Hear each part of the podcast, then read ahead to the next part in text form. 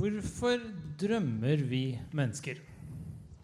Hva er greia? Hvorfor skulle jeg ligge og drømme rare ting, og så våkne? Hva er poenget med det? Det skal vi snakke om den neste timen. Velkommen til Einar Duinger Bøhns filosofipod. Og i dag har jeg med meg nok en gang Peder Kjøs. Velkommen. Hei, du. Gleder du deg? Ja, ja, så klart. Det her er jo en eh, viktig og interessant bok, og et uh, viktig og interessant tema. Så Ja. det blir gøy. Ja. Uh, kanskje du skal begynne med en drøm? ja. Jeg tenkte kanskje jeg skulle begynne med en drøm. Altså, vi skal jo snakke om da Sigmund Freuds klassiker 'drømmetydning'. Mm. Og det som er litt sånn, Dette er jo en ekstremt innflytelsesrik bok på vår kultur og vår selvforståelse, vil jeg påstå. Er du enig? Absolutt. Um, eh, Finn Skårderud, som har skrevet eh, forord i den utgaven jeg har, han eh, mener at den er like viktig for psykologien som Darwins om artenes opprinnelse Ja. for biologien. Så det er virkelig en grunnbok, og Freud betrakta den som sitt hovedverk. Og den og disse her tre essayene hans om seksualteorien, de, de to regnes ofte som liksom, det mest sentrale. da. Men la oss da begynne med en drøm, da. Jeg kan okay. begynne å avsløre. Jeg er sikker på at du tør det? Jeg, det var, jeg bestemte meg for å skrive ned en drøm da, i forbindelse med opptaket vårt. Så det er ikke så lenge siden. Et eh, par uker siden kanskje. Jeg begynte å tenke jeg må skrive ned noe, så neste gang jeg drømmer, skal jeg skrive ned. ned. -hmm. Og her er drømmen. Dette er det jeg våkna og tenkte. Huska, da. Jeg lager spagetti og kjøttdeig på feltkjøkken bak i bilen. Når maten er ferdig, er det plutselig veldig lite igjen.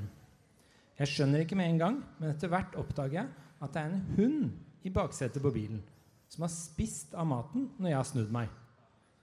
Hunden er glad, men skammer seg litt bak ansiktsuttrykket, sånn som bikkjer gjør. Jeg kjefter på den med mørk stemme, ber den legge seg ned. Noe den så gjør. Jeg tar med det lille som er igjen av maten, på en tallerken og går bort mot en annen bil. Og jeg går og tviler på og er usikker på om jeg faktisk skal spise denne maten som er igjen, eller ikke. That's it. Det var Det, det. det var drømmen. Ja, ok. Og så eh, har jeg sittet og lest Freud, ikke sant? Jeg Ja. forberedt meg her, så, så begynte jeg å tolke denne veldig sånn freudiansk. Og det ble så sjukt at jeg tør ikke å ta det opp her. Altså Det stemte så mye, og jeg, jeg kan ikke si det til familien min, så jeg får bare håpe de ikke leser det her, eller hører det her. Fordi det var veldig interessant. Men vi kan bare ha den i bakhodet. Jeg vil ikke at du for all del ikke skal begynne å analysere denne offentlig. Det, da, da blir det privat. Ja, Men det er en type Det er sånne eksempler som man ofte har. Du får en sånn fortelling. Det er litt absurd. Eh, og så våkner du, og så husker du litt, og så vet du ikke helt hvordan du skal forstå det her. Og da sitter man jo igjen med Hvorfor drømmer jeg sånne fortellinger? Hvorfor drømmer jeg sånne ting i det hele tatt? Mm. Det er litt absurd, det henger ikke helt sammen. Og så må man begynne å prøve å forstå det. Og det siste spørsmålet før du skal få slippe til, er Det som slår meg, er jo at det- drømmen Og jeg har jo opplevd mange mer absurde drømmer enn det her. Men drømmen er jo ikke helt kaotisk. Ikke sant? Nei. Altså Det er en viss struktur her. Og en viss meningsdybde i alt som skjer. Som er lett å assosiere til det som har skjedd i livet mitt. og sånt. Så Mm. det er ikke helt absurd. Og da krever drømmen en forklaring. Altså den, den står egentlig bare og roper til meg 'forstå hva som foregår her'. Det er det som er veldig sånn interessant med drømmer. Da, at de er såpass strukturerte og meningsfulle at eh, de krever en forklaring, samtidig som de er helt sånn uforståelige. Ja, du blir nysgjerrig Ja, du blir veldig på nysgjerrig. innholdet. Ja, og det er flere ting som er interessant der, for det er Det der er jo ja, et sånt bilde som, som du sier, som er på en måte for så vidt veldig tydelig og ikke helt absurd. Det er strukturert og sånn. Og så er det eh, Freud skriver jo sjøl i boka at hvis man begynner å interessere seg for drømmer, og særlig hvis man leser boka og sånn, så drømmer man mer. Og tydeligere og husker det bedre. Ja. Er det din erfaring? Ja, altså Jo mer du tenker på drømmer, og sånn, så Mm. drømmer du mer og mer. Altså, jeg, jeg studerte jo psykologi i sin tid, og da hadde jeg en periode jeg var veldig opptatt av hvorfor vi drømte. og sånn. Ja. Og da drev jeg skrev ned drømmene mine. Så hver natt så hadde jeg en notatbok på nattbordet på hybelen, og så rulla jeg over og skrev ned. Og så hver gang jeg drømte noe, kom på noe. Og da ble det til at søvnkvaliteten ble dårlig. For jeg våkna oftere og oftere og drømte mer og mer. Og det ble veldig sånn intenst. da. Ja. Eh, men da igjen var det masse absurde, men så ser du strukturer som gjør at det bare Det er jo det det betyr. Eller det er jo sånne Mm, mm. tendenser. Så det var klare tendenser i alle drømmene mine, f.eks. Ja. Mm. I mitt tilfelle var det dårlig samvittighet. da. Ja, ja. ja, ja det Jeg er, har alltid gjort noe gærent. liksom. Ja, ikke sant.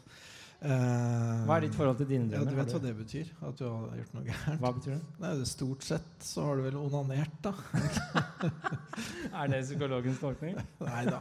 Det, men det er jo interessant uh, i seg sjøl, for egentlig så drømmene er jo um, Historisk så har drømmer vært sett på på mange forskjellige måter, bl.a. som sånne symboler. Som du nærmest Det fins sånne drømmeanalysebøker hvor så drømmer du ditt, så betyr det datt. ikke sant?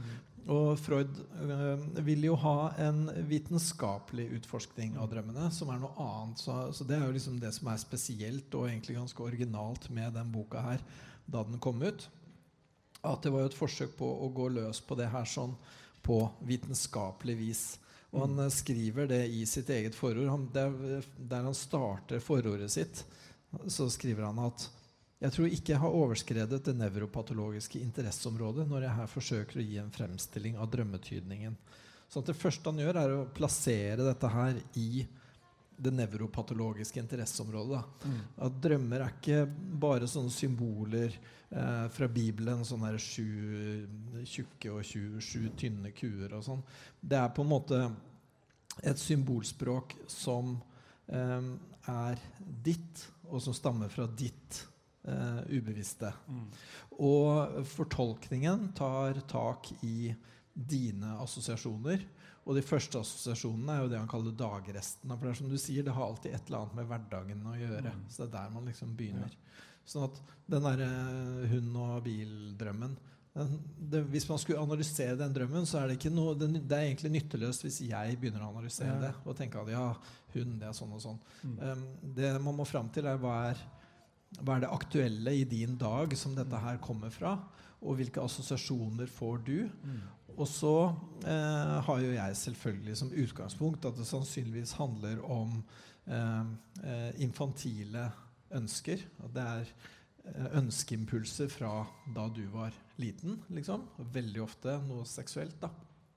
Eh, som eh, prøver å på en måte å trenge gjennom, men blir holdt tilbake Mm. av liksom eh, det førbevisste, da, som er stadiet mellom bevissthet og ubevissthet. Og i det førbevisste så eh, Drømmens oppgave er på en måte å beskytte søvnen. Altså at du ikke skal våkne da, av alle disse impulsene og alt det som skjer inni deg. Og så er det å bearbeide eh, hendelser og ting og konflikter, gjerne, da, mellom nåtidige ting og eh, disse her mer arkaiske Ja.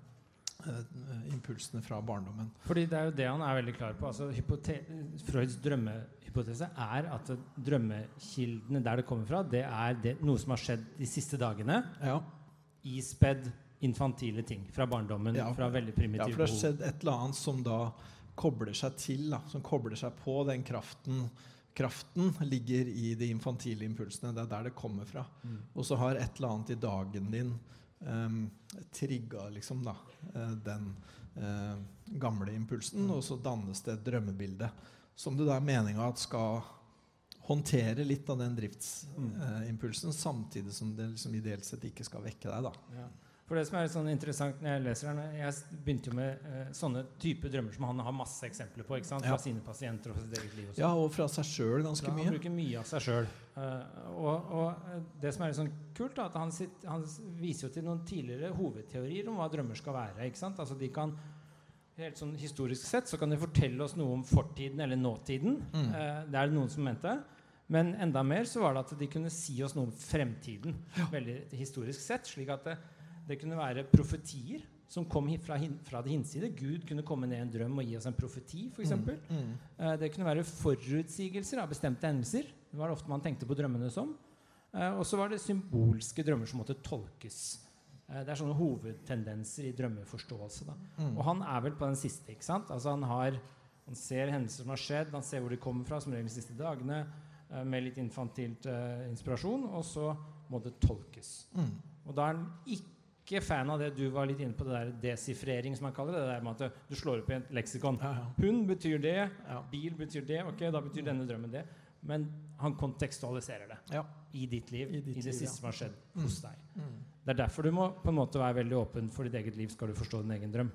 Absolutt. Og så må du koble da de drømmebildene og på en måte prøve å spole det tilbake da, til hvordan eh, den dagresten, som han kaller det, har liksom utløst en eller annen impuls. Og det er derfor han kaller drømmen for um, uh, kongeveien til det ubevisste. Da. Ja. Det er det, for det ubevisste manifesterer seg på forskjellige måter. Mm. Eh, i sånne Han har jo også skrevet en um, bok som handler om sånn hverdagslivets psykopatologi, som er sånn derre glemme ting, si feil, Freudian Ja. slip, sånne ting. For da tyter liksom det ubevisste inn i Mm. hverdagen. Og eh, det tyter inn også i overføringer, at vi syns Vi forholder oss til noe som om det var noe fra vår Ja. fortid, f.eks. Um, og også da i drømmer, da. Ja. Så bildet jeg sitter igjen med, er, liksom, er det freudianske bildet jeg sitter igjen med, er jo veldig sånn velkjent og kulturelt Å, ja. velkjent. Altså jeg sitter igjen med dette bildet hvor min bevissthet har et stort underbe ubevisst, underbevisst bit, Mm. og så har det en sånn Altså Han deler inn i førbevisst, og så er det den er det, Hva var det mellomstadiet? Det var, Ja, det er det ubevisste, og så er det førbevisste, og så er det ja, bevisste. så det er tre stadier. Ja. Så er det portvoktere. Ja. Så det er liksom Som driver og sensurerer og ordner og fikser og sånn. Og når de sover, når du sover, så går de, blir de litt slappere. Mm.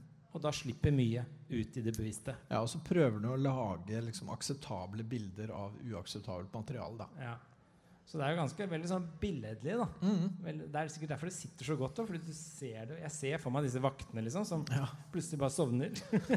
Ja, da kommer det masse rart ut som du ikke vil snakke om til i hverdagen. Ja, som slipper gjennom sensuren, på en Men måte. Da. jeg, jeg sjekka en del litt sånn forskning på nyere drømming. Altså dette her er jo ikke helt fjernt. altså En del nyere forskning er mye, mer sånn, mye mindre sånn symboltung, mye mindre sånn opptatt av det meningsdannende i det. Men de, Mm. de, de har funnet en del ting. altså Sånn som at dypsøvn, rem-søvn, er jo korrelert med drømming. Ja. Det er ikke nødvendig betinget. Det er ikke sånn at Du kan drømme uten, utenfor rem, og du kan ha rem-søvn uten drøm. Men det er korrelasjon der.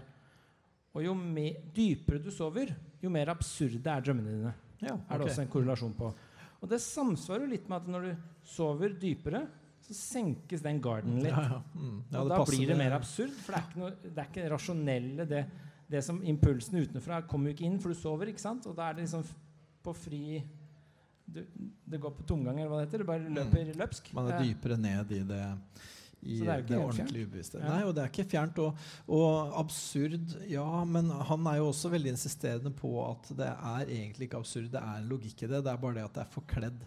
Det er forskyvninger og fortetninger og tilsløringer, men det er struktur der. Ja. Og eh, der tenker jeg, Hvis man liksom skal kontekstualisere boka litt, hvorfor var Freud opptatt av drømmer i det hele tatt?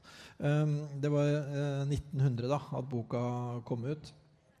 Eh, og på akkurat den tida så var det jo veldig mye interesse for liksom eh, intuisjon og det absurde og liksom eh, eh, Ja, det okkulte, sånne ting. Man var veldig opptatt av liksom eh, hvordan eh, vi ikke bare var fornuft, da. At vi også hadde på en måte en slags natur som var eh, eh, tilsynelatende ufornuftig, men den er strukturert tross alt. da. Og der er det da det driftslivet som er Freud sin store um, oppdagelse. Mm. Så surrealistene for eksempel, var veldig opptatt av dette her. ikke sant? Og surrealistene prøver jo å liksom fjerne den derre rasjonelle eh, sensuren, og så få liksom hjerteblodet rett ut. da. Eh, så det er på en måte, så Freud er liksom beslekta med den tankegangen der, at det fins altså Han er på en måte et sånn veldig godt møte mellom romantikken og modernismen. Da? Fordi eh, modernismen blir jo på en måte veldig streng. Alt er fornuft, alt er system. Og så er det romantikken. da, Hvor blir da liksom eh, det ville og det dyriske, liksom? Og så prøver han å liksom eh, se på hvordan vi er satt sammen av både det dyriske og det mer Tenker du at det er veldig mye hold i det, eller tenker du det er litt utdatert, hele prosjektet? Altså jeg husker når jeg studerte psykologi, så var det jo Freud var litt ut. Ja, ja. Det var liksom ikke sett på som ordentlig vitenskap. Det var så symboltungt. og Han bruker greske myter. Han bruker veldig mye for å forstå det han skal forstå, og da blir det ikke sånn vitenskapelig ordentlig etterrettelig.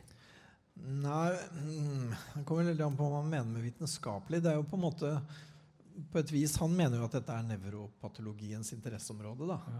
Men det er jo også, det ligner jo mye på sånn type kunstteori, litteraturvitenskap, Mm. sånne ting.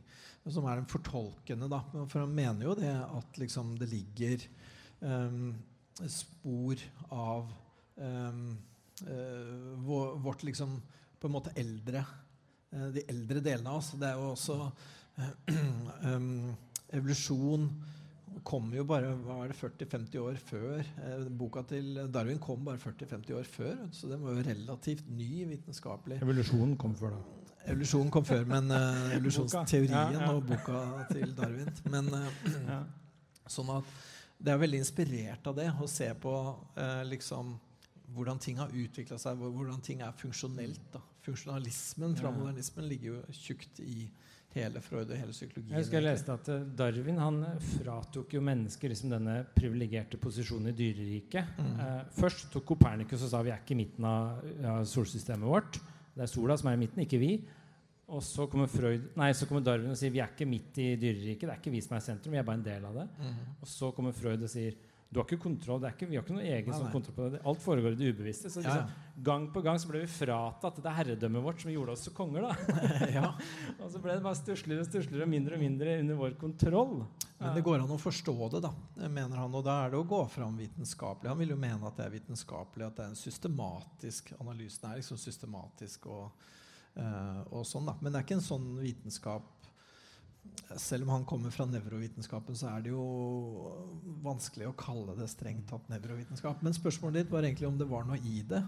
Og der tenker jeg at det er ikke så helt godt å svare på. Jeg, jeg tenker jo at eksemplene hans og måten å gjøre det på er slående. Og at det virkelig er noe sånn. Og på samme måte som når du drømmer den drømmen din, og du begynner å gå løs på den med Freud-briller, Mm. og du begynner å se ja, hvordan er det det henger sammen med dagen, hvordan er det det henger sammen med driften. Jeg kan ikke snakke med familien om det. Nei, ikke sant? Og hva slags symboler er dette her egentlig? og sånn. Så kjenner du jo at jo, det er noe her. Ja, det er helt utrolig. Altså, det er slående. Eh, jeg, men til, litt tilbake til med vitenskap. fordi jeg, jeg sa det er ikke, jeg husker å ha sett på som sånn uvitenskapelig, men det er jo helt riktig som du sier, at det er jo forskjellige forståelser av vitenskap. Det er jo en ganske sånn hermenøytisk vitenskap. ikke sant? Altså Du går mellom deler og helhet og prøver å gi mening til det som foregår. Mm. Og jeg tror det er jo det kule med å lese der, at det er veldig sånn meningsskapende Mm. å drive med drømmene sine. Altså Du Ja. forstår deg selv, livet ditt, hverdagen din, relasjonene dine bedre Mm. hvis du driver og flørter med 'Hvordan kan jeg forstå drømmen?' Som jeg hadde nå. ikke sant? Kanskje det ikke er ett svar på hvordan jeg skal forstå. Det sier jo Freud også. Det er ikke det. Men du må hele tiden dynamisk fortolke den inn i en kontekst. Mm. Og det er med på å gi mening i hverdagen og Mm. til livet ditt og forståelse og selvforståelse. Så sånn sett så er det jo kjempeviktig og kjempevitenskapelig på en måte. Mm. Men det er mer sånn humanistisk vitenskapelig enn det er naturvitenskapelig. Ja. Altså det er veldig vanskelig å drive med nevrovitenskap på den bikkjedrømmen min. Altså Ja. Du kan sjekke korrelasjoner. Det gjør man i drømmeforskning. sånn Ja, ja. Rem-søvn korrelert med masse drømmer. ok, Mm. Statistisk sett sånne korrelasjoner. Men det gir ikke noe meningsskapende virksomhet. Nei. Nei, og det, det blir jo på en måte hjernen som på et, et rent fysisk organ, på en måte. da. Men Mm. her sånn så blir det jo mer som en fortolkende, alltid aktiv del som er større enn vi tror. Og tar mer plass enn vi tror. For Freud sier jo det, at det ubevisste er jo mye større enn det bevisste. Det bevisste er på en måte det ubevisstes slave, på et vis. Som bare seiler på toppen av Jeg har sett det bildet med det. Titanic-isfjellet som bare er sånn bitte litt over toppen. Så er alt under. Ja, det er liksom bevisste Det er menneskelige psykologien, da. ja det er litt sånn han ser det for seg. Ja, ja. Eh, og, ja, og at innmari mye eh, av det, vi, det som skjer i oss, da, det, det er et spill bak Ja. gardinene, liksom. Men før vi ser litt mer detaljert på boka, bruker du drømming i terapi og sånn? Sitter dere og Eh, snakker om drømmer i dag, eller er det bare Ikke sånn så på film? mye, for det, er litt sånn mm, eh, Det er ikke så lett. Eh, man skal egentlig være litt grann, eh, jeg, jeg tenker at man skal ha respekt for det, da, og at man ikke liksom skal gå løs på det uten videre. Man skal egentlig kunne det ganske godt. Så, så jeg er veldig forsiktig med det. Jeg er ikke noe spesialist på det i det hele tatt. Liksom. Men det hender jo at klienter forteller drømmer, Mm. og at vi snakker om drømmer. Mm. Og at vi da går den veien.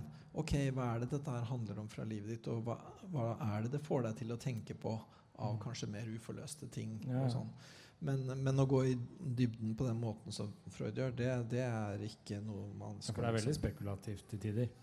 Ja, Han vil ikke mene det, da. Han vil jo mene at det er helt lovmessige slutninger ut fra materialet. Men det som er litt interessant, er jo dette, disse mønstrene man ser også. Altså, en ting er sånn, ok, Vi vet ikke akkurat hva den hunden skal symbolisere, kanskje. Det kanskje ikke er noe svar på det. Men når det, sånn jeg skrev ned mange drømmer over lang tid, så var det et mønster som gikk igjen. Mhm. Altså, det var en tendens i alle drømmene om at det var noe jeg hadde dårlig samvittighet for. For eksempel. Ja, det og det. kan jo si noe om ens egen person og syke. og sånn, At du over tid ser igjen en tendens i drømmene dine, mens noen Mm. andre har en annen tendens.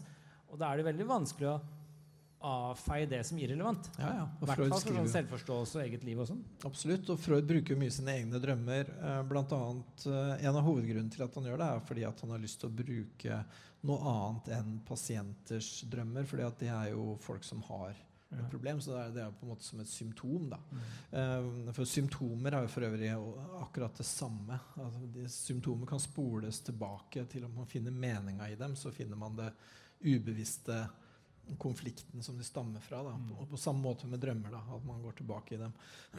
Men han ville ha drømmer og analysere fra på en måte et menneske som ikke nødvendigvis hadde altfor mye nevroser, så han begynte å analysere sine egne drømmer. da.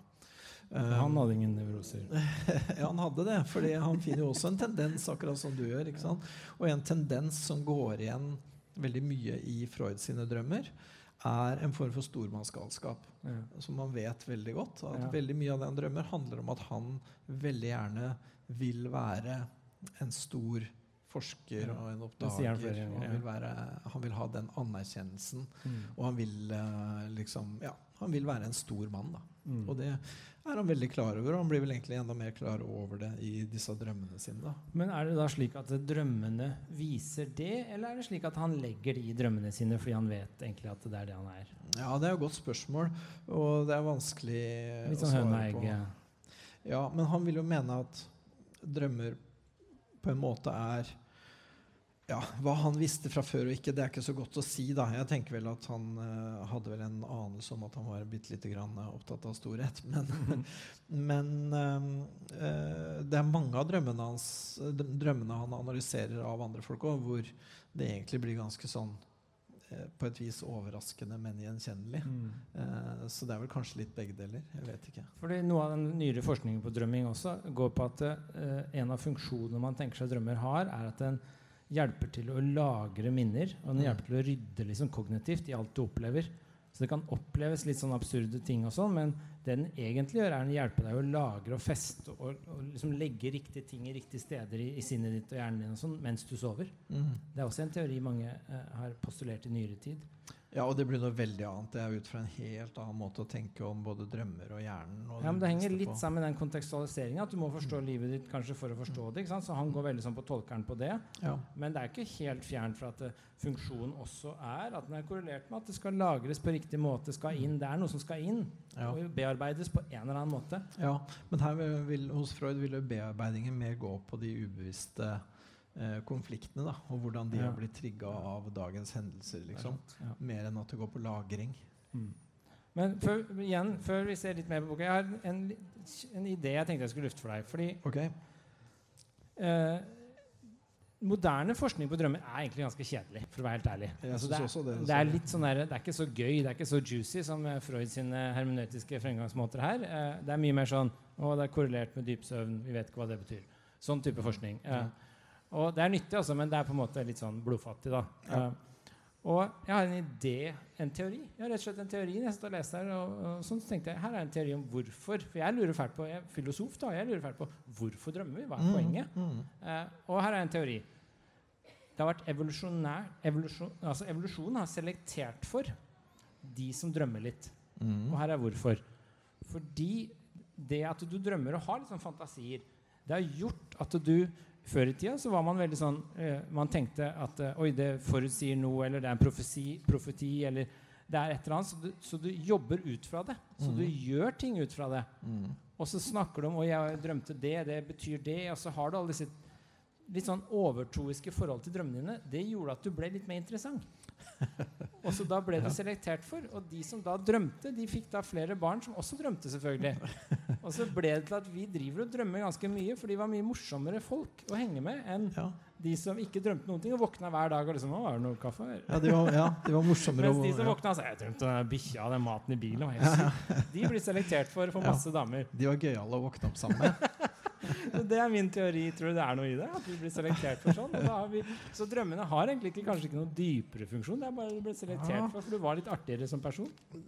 Freud har en evolusjonsaktig teori som kanskje skiller seg bitte lite grann fra din. da. Eh, jeg klarer ikke å finne Jo, det handler om det der med liksom Jeg tok litt for mye notater. for at uh, den boka er så notater. Ja, boka er så tjukk, vet du, og det står så mye der som er gøy. Og Det er vanskelig å holde igjen. Men ok, men i hvert fall eh, Noe av den evolusjonsaktige eller liksom urorganismemåten han tenker, da, er at liksom for at en organisme skal være funksjonell, så må den jo på en måte ha hukommelse. ikke sant? For du må på en måte lære fra en erfaring og ta med til en annen. Samtidig som eh, det du eh, husker og tenker, må ikke være så sterkt at det overstyrer realiteten. ikke sant? Mm. Så det er på en måte sånn type realitet Det er liksom der liksom røttene til et realitetsprinsipp ligger. da, At du må Mm. skille mellom eh, hallusinasjon og eh, virkelighet. For det er den andre store punchlinen eh, i eh, drøm, Freuds drømmetydning. Det er jo et par sånne skikkelige hovedpoenger der. Det ene er på en måte at drømmer er det ubevisstes eh, eh, konflikter som trenger igjennom nesten i forkledd form. Mm. Uh, og Uh, og så den andre er at drømmer er ønskeoppfyllelse. Ja, det er hovedtesen hans. Ja, det er hoved, alle drømmer uansett er ønskeoppfyllelse. Det er noe du vil skal oppfylles. Og så er alle egoistiske, sier han. Ja, fordi det er oppfyllelse av um, det ubevisste uh, sin, sin um, uh, ønsker og drifter og Mm. fantasier. Da, og de er jo ikke bundet av realitetsprinsippet. De er jo helt egoistiske og vil stort sett bare to ting, da. Ja. Eller- Fa- ok. De- eller- For han sier også at alt er, eh, som en allmenn regel er det egoistisk. Altså oppfyllelsen Ja, ja, av en drøm. Du ønsker aldri noen andre noe. Du ønsker bare det for deg selv. Alt Du kan ønske det for andre òg, men stort sett så er det da i forkledd form. da. Så, Ja. så at uh, den hunden som var så heldig å få spise den maten, sannsynligvis er den kanskje deg, på et vis. da. At du har bare putta de laveste impulsene Ja, nei, jeg har en annen teori, men vi skal ikke gå inn på det.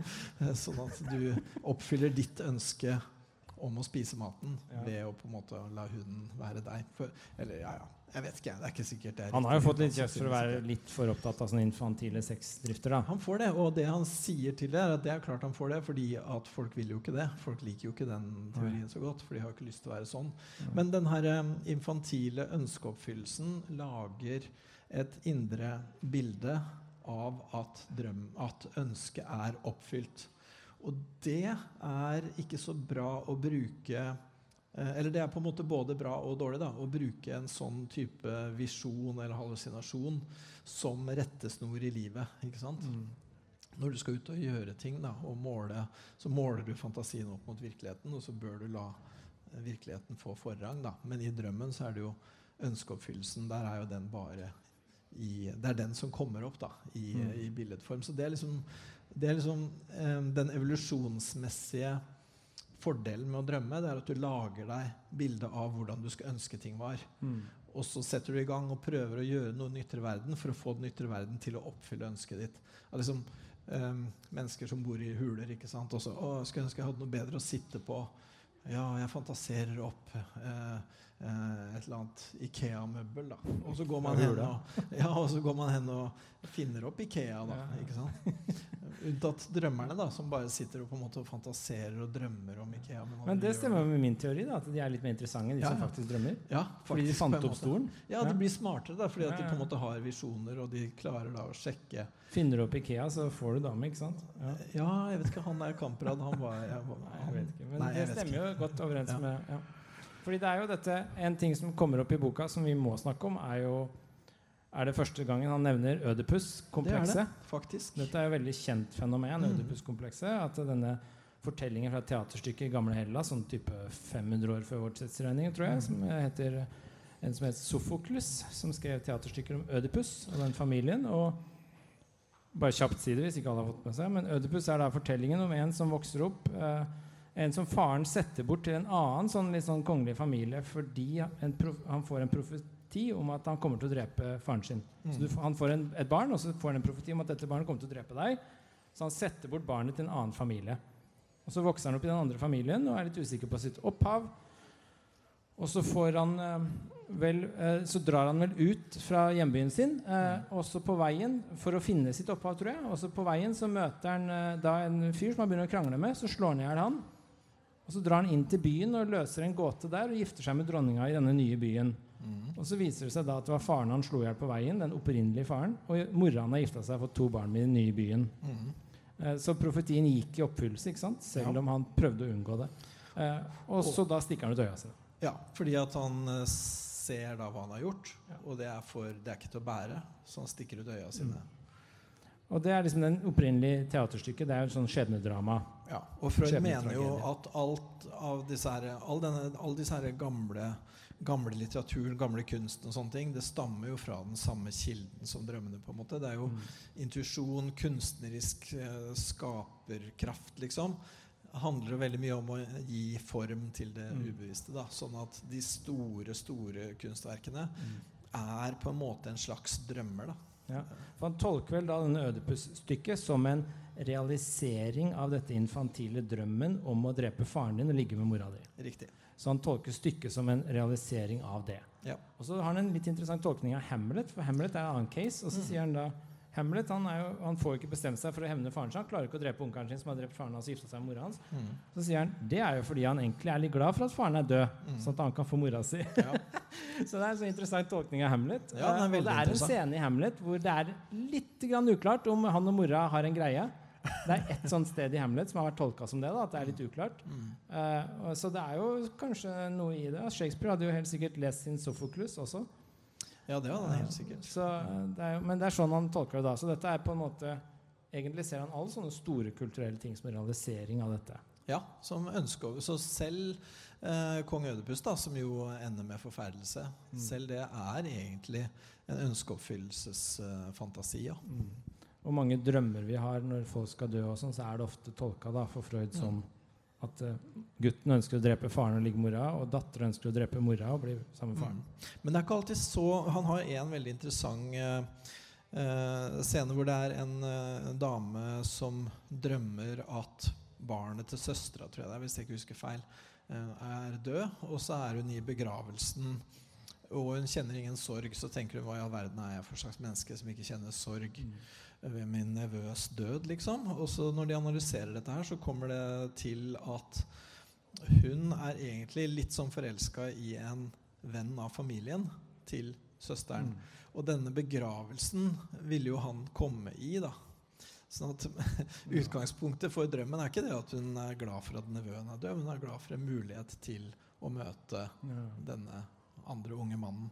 Så sånn da er det at du må Du kan ikke bare ta Hvis du har bare tatt symbolet Oi, hun, hun drømmer det, for et fryktelig menneske. Man må liksom se hva er dagresten, da. Mm. Og da er det den der forelskelsen som dukker opp og egentlig får ganske mye kraft. Ja. Og det er vel alltid da konteksten du skal forstå drømmen i, er vel alltid noe som har skjedd den siste dagen, kanskje andre dagen. De Mm. to siste, er det vel han sier. Det sier han også, sier han også litt seinere ut i boka, at det hender at en drøm ikke er ferdig drømt. Da. Sånn at man fortsetter med Ja. På en måte det samme drømmearbeidet en stund. Så, så man skal ikke være helt streng. Da. Det må ikke være fra samme dag. liksom. Men hvor, det jeg satt og lurte på når jeg leste, er liksom hvor Altså Han sier jo det er vanlig, og han har observert mye, at barn drømmer om at den ene forelderen av samme kjønn skal dø. Mm. Det er, det er et vanlig fenomen, sier han. Ja. Litt spekulativt. altså Er det bare meg det er noe gærent med? Jeg kan ikke, inn, jeg kan ikke liksom se, samme hvor ærlig jeg prøver å være, at jeg har hatt de ønskene. Nei, Er det, det er har det du noe jeg ikke har sikkert. skjønt? Ja, det er nok det. For han vil mene det er universelt. da. At, at det er på en måte et slags traume, det at du, du har jo mora di aleine når du er liten, og så trer realitetene inn. Du eier ikke eh, mamma og puppen eh, suverent. Mm. Du får søsken, og mora har sine egne behov. og sånn. Det er første liksom sånn atskillelseserfaringen vi har, da, og vi liker ikke det. Og vi må på en eller annen måte håndtere da, den derre eh, driften til å så skulle ha puppen i kjeften konstant. Da, Ja. ikke sant? Altså, så, så det gir jo på en måte mening. Og det at du ikke husker det, det er vel, da har du vel du har fortrengt det. da Du er jo en funksjonell og Men trikset er, er? Altså, det som er sånn sleipt her, er jo at hvis du sier Nei, jeg kan ikke huske at jeg noen gang ville drepe faren min og ligge med mora mi. Det har jeg ikke noe minne om. Og så sier psykologen fordi du har fortrengt det. vet du. ja. Da har du ikke noe å forsvare deg med. Det er sånn, ja, da tapte jeg den debatten. Det var en fortrengelse. Og det, det har jo selvfølgelig ikke jeg fått med meg, for jeg har jo fortrengt det. ja, og det er en Så det er helt umulig å komme seg ut av det. Ja da, det er en klassisk uh, Freud-kritikk. Dialektisk ganske sleipt. Ja, det er det, og han sier det jo sjøl også. Han sier uh, om, uh, om drømmetydningen et godt stykke ut i boka at liksom Han kan jo ikke egentlig bevise det, men Mm. det lar seg heller på en måte ikke motbevise. Så det blir litt sånn Syns du det gir mening, liksom? Ja, han er, det er en overraskende sånn beundringsverdig åpen på. At dette Ja. er ikke noe bevis, dette Nei, er ikke noe vitenskap på den forstand. Det Det er er mer et sånn forslag, liksom. Ja, her, dette er den beste teorien, Ja. eh, på en måte. Så det, men det som er liksom bekymringsverdig, er at han gjør det til en allmenn greie at vi alle har disse driftene. Mm. Fordi hvis du ser litt sånn evolusjonært på det, da, så, skjøn, så har vi utvikla og selektert for å ha visse drifter. F.eks. Mm. da å formere oss videre. Ja. Og da er det visse ting som uh, statistisk sett du foretrekker. Du foretrekker friske, eh, unge folk fordi de er mer fruktbare. Så er det sånne evolusjonære teorier på hvorfor menn alltid går for yngre damer. For eksempel, ikke sant? Og det er forståelig i en evolusjonær kontekst hvorfor man gjør det. Mm. Men det som er litt vanskelig å se for meg, er, og da, da kan jeg forstå liksom at noen av driftene våre er jo ikke så fininnstilt at jeg går for liksom kun den lille ene Mm. biten av et menneske der. Mm. Det er sånn, det går litt sånn, fomler litt, og da kan du feilskyte litt. og du har noen som har liksom rare eh, fetisjer. og det, liksom, det kan gå litt gærent av sted, disse driftene, på noen. Ja. Men statistisk sett så bør det ikke være, bli sånn, fordi da formerer man seg ikke videre. ikke sant? Riktig. Eh, og da kan jeg tenke meg ok, kanskje noen raringer i Freud sitt miljø hadde liksom misfired litt og, og liksom gått for mora si. Eh, men Ja. at det er en allmenn greie, er, det rimer ganske dårlig sånn evolusjonært. At det er der, der driftene våre skal. Styres. Ja, jeg er usikker. For jeg, tenker den urdriften som er liksom før den på en måte genitale seksualiteten, da, så er jo den eh, seksualiteten knytta til eh, til suging, til den orale fasen. ikke sant? Sånn Mm. at han går jo helt, helt tilbake. Og der er det ikke så mye feil eh, som skjer, på en måte. Men, eller, men seinere så blir det jo i den mer sånn genitale fasen. Men nå forlater vi drømmetydning, nå går vi mer over på seksualteorien. Eh, som han skrev litt seinere. Men, men eh, det med liksom eh, avvikende objektvalg, da, eller han ville jo kalle det perversjoner da, ikke sant, Ja. i sin tidsspråk, men eh, det eh, vil på en måte ikke berøre at den grunnleggende driften er den samme, men så kan objektvalget bli påvirka av forskjellige hendelser underveis. Men denne urtingen, det at babyer liker å suge på puppen, liksom, der er det veldig få babyer som eh, går for et annet objektvalg, da. Ja, men det er fortsatt et hopp fra det. ikke At det, babyen liker å suge på puppen til Ja, han vil vil mene at drepe faren. Nei, men Han vil mene at det er en eh, sensuell Det er bedre å kalle det sensuell enn seksuell, egentlig. Ja. Erfaring for babyen, og at konkurransen fra faren blir påtagelig for de fleste ganske fort. Så, men vi beveger oss Ja, litt bort fra eh, drømmetydning. Det ble veldig interessant plutselig. Men Det eh, det. er jo et par begreper her som kanskje er liksom verdt å si noe om. For det er jo litt sånn interessant. Altså Han snakker om drømmefortetning og drømmeforskyvning. Mm. Mm. Det er jo liksom interessant hvis man skal begynne å forstå drømmene i sitt liv. For å, hvis, vi, hvis det er litt sånn som vi var inne på at interessante med drømmer er at det faktisk er med på å gi en mening til vårt liv. Det gir Mm. en fortelling, det gir en struktur. Vi forstår oss selv bedre. Og da er jo drømmefortetning og drømmeforskyvning ganske interessant. Mm. Uh, vil du Ja, det er jo måter som disse her, eh, det er jo måter som disse her drømmebildene blir lagd på, da. ja. i, i sensurprosessen, på en måte. Og igjen så er det litt interessant hvis, hvis det var sånn da, at det å drømme var nyttig for oss å bli mer kjent med oss sjøl. Hvorfor da all denne tildekkingen? Hadde det ikke vært bedre om vi bare drømte straight up det vi er opptatt av? liksom? Ja, ja. Men sånn funker det ikke, da.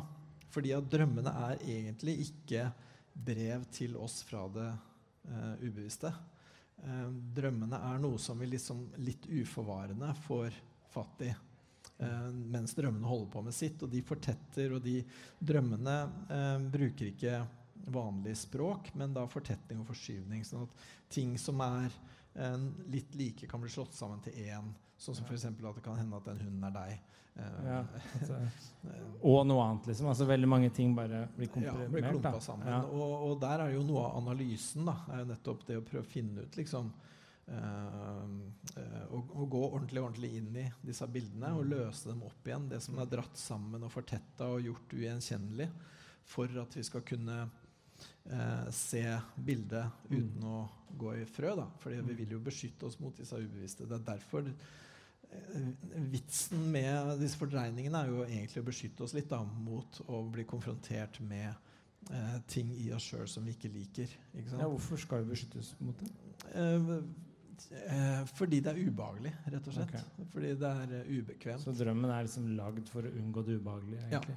Ja, egentlig? Ja, Så du fortetter masse ting, slår det sammen, sånn at du ikke Mm. skal bli så åpenbart hva som foregår. Men allikevel sniker Og det så seg litt ut. husker vi det av og til, for Ja. noen ganger så blir den eksitasjonen da, den liksom nevrologen, Der er Freud nevrolog igjen, da.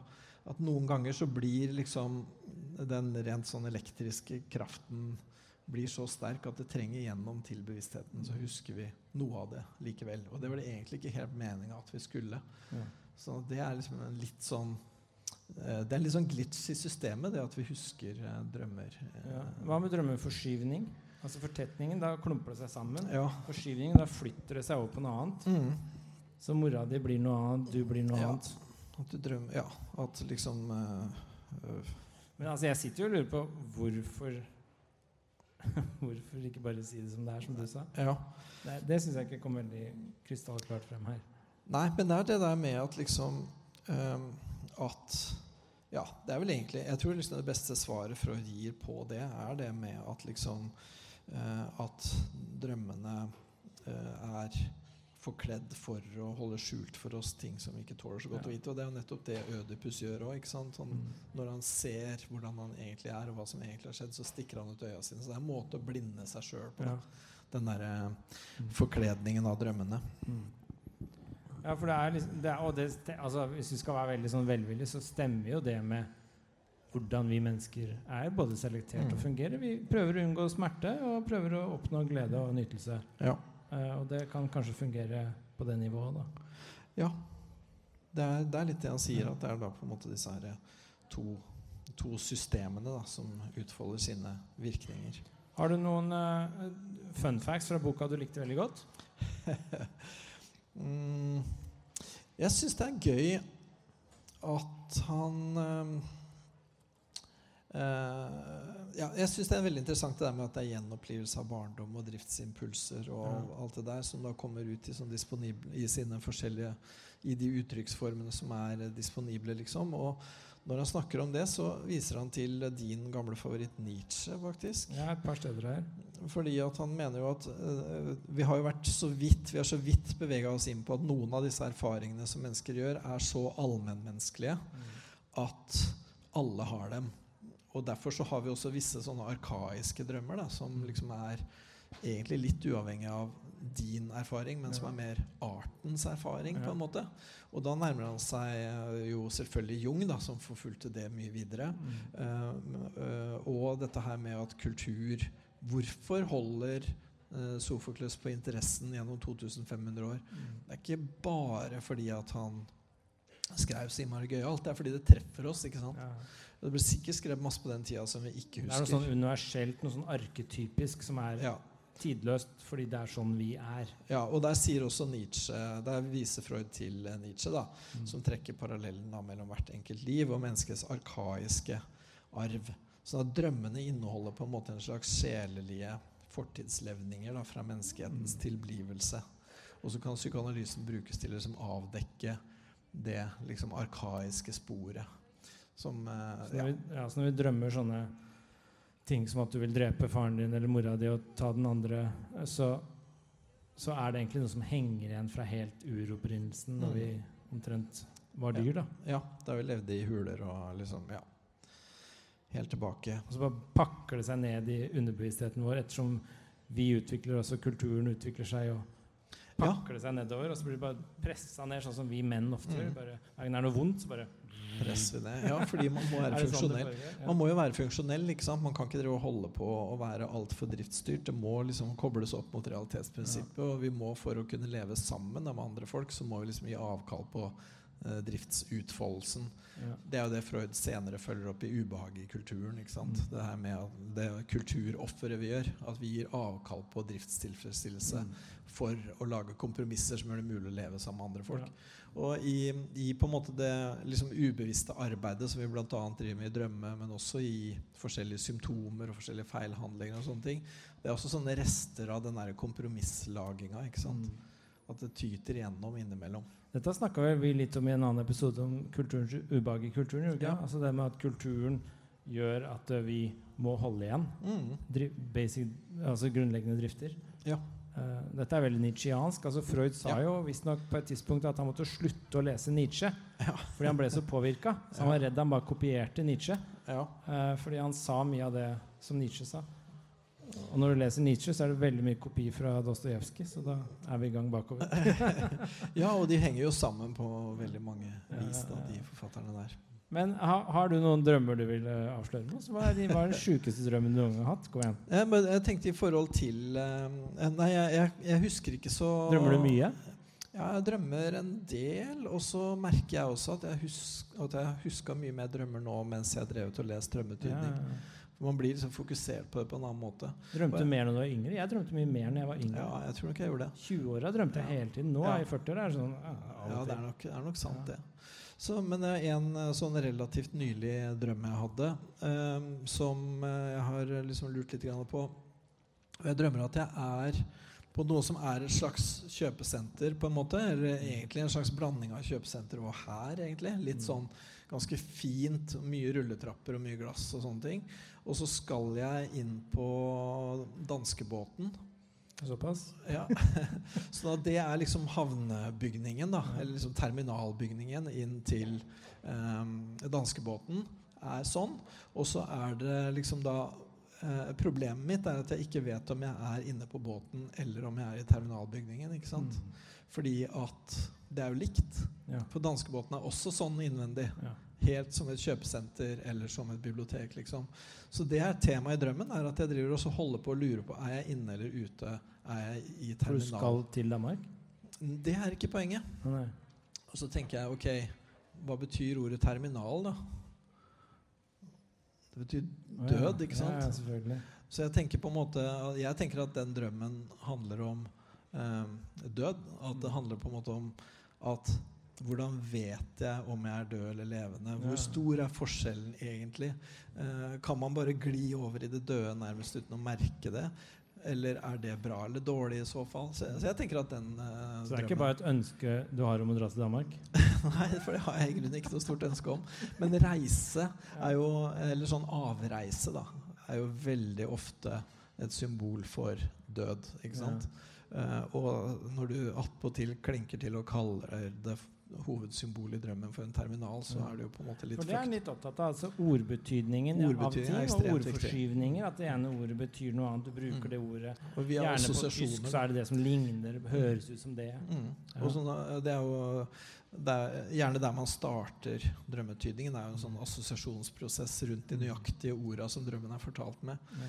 Og så Noen ganger så sier han det. Det er også en sånn gøyalt lite triks som man forteller her. da At noen ganger når du driver med det, og du eh, ikke egentlig kommer noen vei, da, du får liksom ikke tak i noen ting, så ber du personen om å fortelle drømmen en gang til. Og så da er det gjerne ett eller to ord som er annerledes. Ja. Og da er det noe der.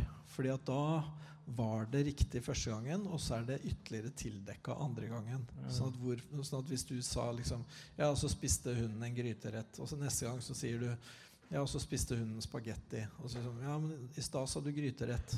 Mm. Og så vil man henge seg opp i det. Liksom da. Men det kan jo være veldig igjen. Jeg, jeg, jeg er mer overbevist nå enn noen gang om at hele funksjonen til drøm er bare å gi mening til ting. Altså, Mm. Det behøver ikke være noe bestemt. Det kan være gryterett, og så kan det være spagetti. Og så kan man tolke litt og diskutere litt, så er det ikke sikkert det er noe svar på hva det egentlig betyr. Men det er sånn, Nei. dette er med på å lage en fortelling. Mm. Så vi Og- skaper ja. vårt liv med en sånn fortelling. Men Freud vil mene at fortellingen er der. Drømmetanken da, er Ja. primær. Og at den er der. Og at du lager ikke den når du spoler tilbake. Det er um, Ja, for det er noe råmateriale der som bare er der. ja. Men altså, det kan vel være fortsatt rom for å lage forskjellige fortellinger ut av det råmaterialet. Så liksom i en tidsepoke så betyr det det, men i en annen epoke av livet ditt så betyr det noe litt annet. Og så Ja, er det på en måte drømmen- samme ja. drømmene kan gjentolkes, f.eks. Det kan de, og, Og det da kan, jo funksjonen være mer selve det å tolke enn det Ja. du har tolka. Ja, og han sier også at måten du forteller drømmen på, og f.eks. motvillig mot å fortelle drømmen, eller det at du begynner å le underveis og sånn, det er eh, liksom eh, eh, Måten du forholder deg til drømmen på, Mm. det er en del av det materialet som skal analyseres. Sånn at eh, hele drømmefortellingen din er i seg sjøl analyserbart materiale. Ja, Uh, ja det, er jo, det er jo ganske interessant, syns jeg, da, hele Ja. måten man liksom kan ta tak i drømmer og bruke de. Men, men det er et par sånne fun facts i boka, da, hvis vi skal si litt mer Ja. om selve boka. For dette er jo det er en tjukk bok, og Det er en tjukk bok, ja. en god redaktør hadde nok eh, halvert den. ja. Eller syns du, jeg syns det er litt overflødig mye av det, da. Jeg er ikke sikker, altså. For jeg syns den er veldig logisk bygd opp, egentlig. Um, fordi, ja, Det som på en måte oppleves som litt um, ikke så kjempespennende nå, det er egentlig starten. fordi at han starter jo med liksom å gå gjennom sånn som man skal i vitenskapen. At man må jo eh, liksom lage en slags gjennomgang av all tidligere litteratur. Da. Og det er klart at det er faktisk rett og slett ikke så innmari spennende. Eh, Nei, Og så er det jo utdatert og ja, ikke Ja. sant? Men, eh, eh, men så, Og han bruker det ikke så mye seinere heller, egentlig. Nei. Så veldig mye Men han la, boka er jo skrevet i en veldig sånn diskuterende form. mm. Hvor, og en sånn hypotesetestende Ja. måte, liksom. Og masse eksempler.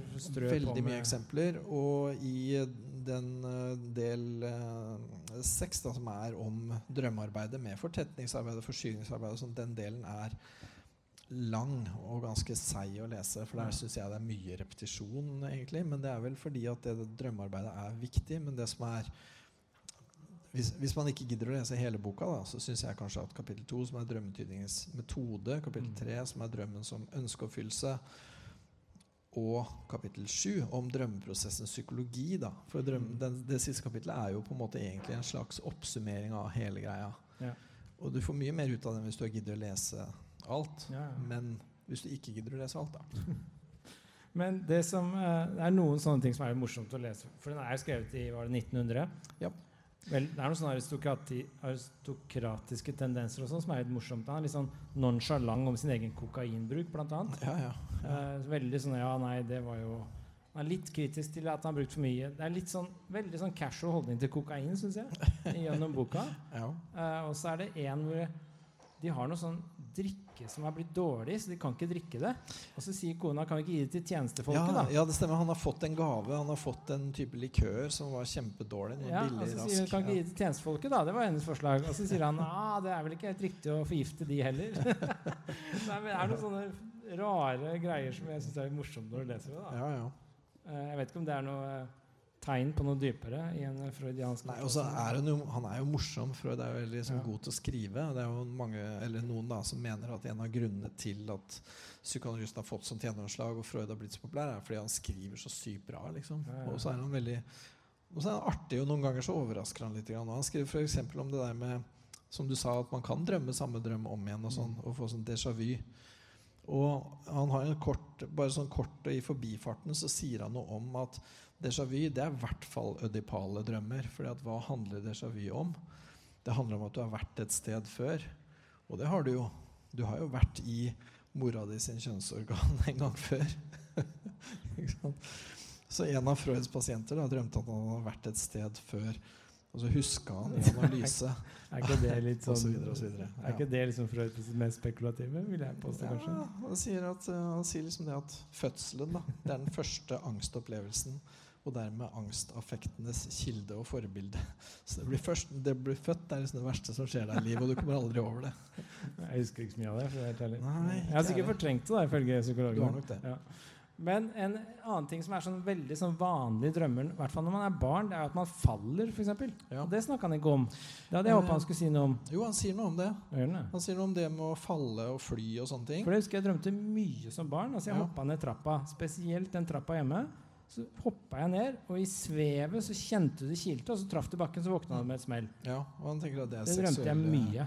Ja, det gjorde du nok. Det Ja, hva er, sier han om det? Jeg så ikke det. Nei, nei, selvfølgelig så du ikke det. Du overså jo det.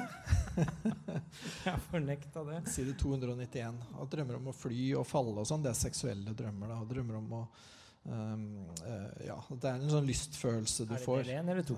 Ja, Det husker jeg ikke. Side 291. Eh, og Der sier han også en artig liten ting han drømmer om å svømme. da. Det er på en måte flyvedrømmer, bare at for folk som har vært sengevetere. At de gjentar i drømmen lystfølelsen som de har lært seg å gi avkall på. Lystfølelsen ved å tisse i senga si. Ja. ja, Nå skal vi ikke bli veldig privat her, men altså, jeg tissa jo i senga da jeg var barn, husker jeg. Og da var det ofte at du drømte noe sånn vannting. Ja. Altså Du drømte at du, du hoppa i badekaret eller et eller annet sånt, og så Mm. var det plutselig vått. Ja, og det er litt den derre eh, at drømmen um, For det er En sånn tidlig teori eh, om drømmer er jo at den rett og slett beskytter søvnen ved å liksom å tilpasse det som skjer rundt deg, til drømmen for at du liksom skal ikke våkne. da At Det er ikke vekkerklokka som ringer. Slapp av. Og det er liksom ønskeoppfyllelsen ved å forskyve. da Men det fungerer egentlig bare, mener Freud, hvis det også appellerer til eh, noen av disse her ubevisste, infantile impulsene. da Hva tenker du alt i alt om boka i dag? Du er veldig mye, det virker som du er litt mer positiv enn meg. Ja, jeg hadde stor glede av å lese den. Jeg syns det er forferdelig interessant som eh, et startsted for eh, denne måten å tenke psykologi på. Ikke? Mm. Det er jo der Freud på mange måter begynner. Og, og det at det er her han første gang lanserer dette her med Ødipus-komplekset, som jo er utrolig sentralt i psykoanalysen. Og det med ønskeoppfyllelse, veldig veldig interessant. Og alle disse fortrengningsmekanismene, alt det grann der, det er veldig sånn som har blitt stående og som har blitt, og som også har gått inn Selv, om du ikke nødvendigvis er så opptatt av psykoanalyse, så er dette allmennkultur. ikke sant? Ja, det det. Mm. Så, så jeg føler at det er eh, mye kulturkunnskap da, i å uh, sette seg litt inn i den boka. Men når det er sagt, så er den et drøyt lesestykke. Den er lang og tjukk og veldig teknisk, og det er veldig mye. Så, men eh, jeg vet ikke, jeg. Føler at den eh, er en slags sånn klassiker, da. Som Ja. jeg tenker at man i hvert fall som psykolog egentlig kanskje bør på en måte ha lest. da. Ja. Altså Som filosof så tenker jeg det er veldig interessant bok å lese. For jeg syns den er veldig spekulativ til tider. da Og jeg er ikke Ja. sånn veldig fan av alt det derre Alltid skal det bare tolkes ut fra en sånn primitiv sexdrift som jeg har undertrykt. For det kommer jeg meg aldri ut av. Det er sånn, et sånn triks som på en måte er umulig å unngå å svare til, da selv Ja. om du føler det ikke stemmer. Så det liker jeg ikke. Men jeg liker den der ideen om at uh, vi tar dette materialet som vi alle opplever, og så bruker vi det til å skape og tolke en forståelse av oss selv. Mm. Den liker jeg veldig godt. Mm. Og det er jo drømmer veldig bra til. Mm. Det er derfor jeg altså kom på den litt sånn tulleteorien om at de er selektert for. Fordi det er noe mye mer fortellende, skapende, er noe kreativt. Det er noe veldig Mm. sånn menneskelig over det. Uh, Det det. jeg, jeg har jo en katt som jeg forsker mye på, og den ligger jo ofte og liksom lager noen sånne lyder når den sover og sånn. Så tenker jeg drømmer den nå egentlig? Mm. Kanskje drømmeren liksom ser en fugl eller en mus fly forbi, og så lager han en litt sånn pipelyd eller et eller annet sånt.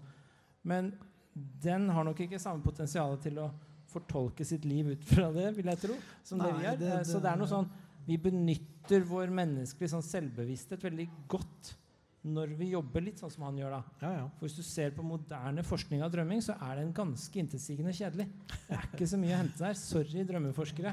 Men det er mye korrelasjoner og, og hjernefunksjoner som på en måte er interessant å ha kunnskap om, men Mm. det hjelper oss ikke veldig i vår egen selvforståelse. Eh, på samme måte som det her kan gjøre. Nei da. Så, så, så det likte jeg veldig godt med det. Altså Jeg ble mye mer sånn positivt innstilt til å begynne å tolke drømmene mine, så jeg kommer sikkert til å sove mye dårligere fremover nå. Sikkert. Men i forhold til det med at han vil ha alt til å være sex, det svarer han jo faktisk på. da. Ja. At det er ikke alt som er seksuelt uh, uh, materiale. Selv om han sier at flertallet av voksnes drømmer behandles seksuelt materiale. da, sier han. Mm, og noe av grunnen til at vi så ofte drømmer om det, er jo nettopp fordi det undertrykkes. Det er veldig mange andre impulser. Det er ikke noe vits å drømme om, for det kan vi bare ha uten å skamme oss over, liksom. Men Og er det da kulturen sin skyld at vi undertrykker det? For jeg vil jo tro i primitiv førkultursamfunn da, kulturens skyld Det er på en måte noe av kulturens jobb. da. Det er noe av kulturens oppgave. å holde det i tømme. Ja. Ja. Eh, men han sier det at uh, i drømmetydning så må vi ikke glemme hvor viktig de seksuelle kompleksene er, men man heller ikke skal overdrive den til eksklusivitet. Da, Som han sier. gjør.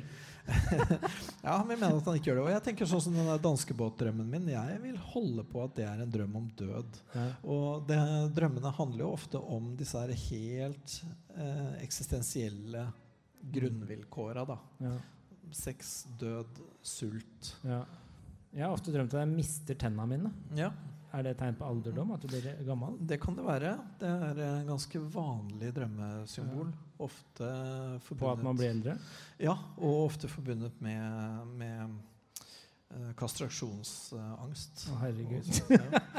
Jeg våkna i sånn angst. Bare sånn Har jeg tenna her, liksom? Ja, jeg har det. Ja. Ja, ikke sant? Og ja, så er det det jeg er redd for? Er det jeg er redd for? Det er nok eh, kanskje det, Miste manndommen? ja, Ja. det er et vanlig symbol, i hvert fall. Men det er jo klart at man skal ikke da si at det er nok det. fordi at man må finne ut av hva forbinder du med det, da? Hva er grunnen til at Hva er det i hverdagen din som har utløst denne drømmen? Og hvilken For det er jo nøkkelen her, da.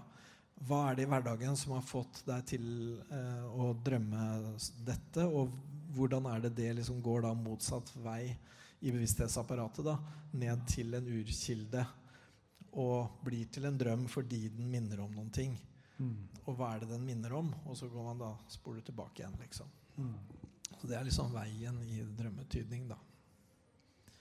Artig. Komplisert og vanskelig prosess eh, Ja. som eh, man eh, ja, vil kunne få mye ut av, da. Ja, ja. ja, det er veldig bra. Uh, vi hadde liksom planer om en times episode i dag. Det har gått akkurat en time. Har du noe mer på hjertet, eller? Uh, nei, jeg må tenke i forhold til uh, denne boka som lesning, da, så er den jo Eksemplene og bildene er veldig morsomme og, er veldig smarte og gøyale. Viser liksom hvor glup Freud er. Eh, så for eksempel eh, Bare for å ta et eksempel på en drøm. Han sier at å gå i trapper eller stiger betyr nesten alltid coitus, eller sex. Så han eh, jobba med en nevrotisk mann som var veldig fiksert på mora si, og som drømmer at han går i trapper med mora si. Det er jo ikke bra, ikke sant? Og så sier Freud jeg bemerket at en måteholden masturbasjon sannsynligvis vil være mindre, mindre skadelig for han enn den abstinensen han tvang seg til. Denne påvirkning fremkalte frem, følgende drøm. Ja, så han sier altså du er altfor opphengt i mora di. Hvis du runker litt, så kanskje du blir litt får ut litt av den energien på en sunnere måte.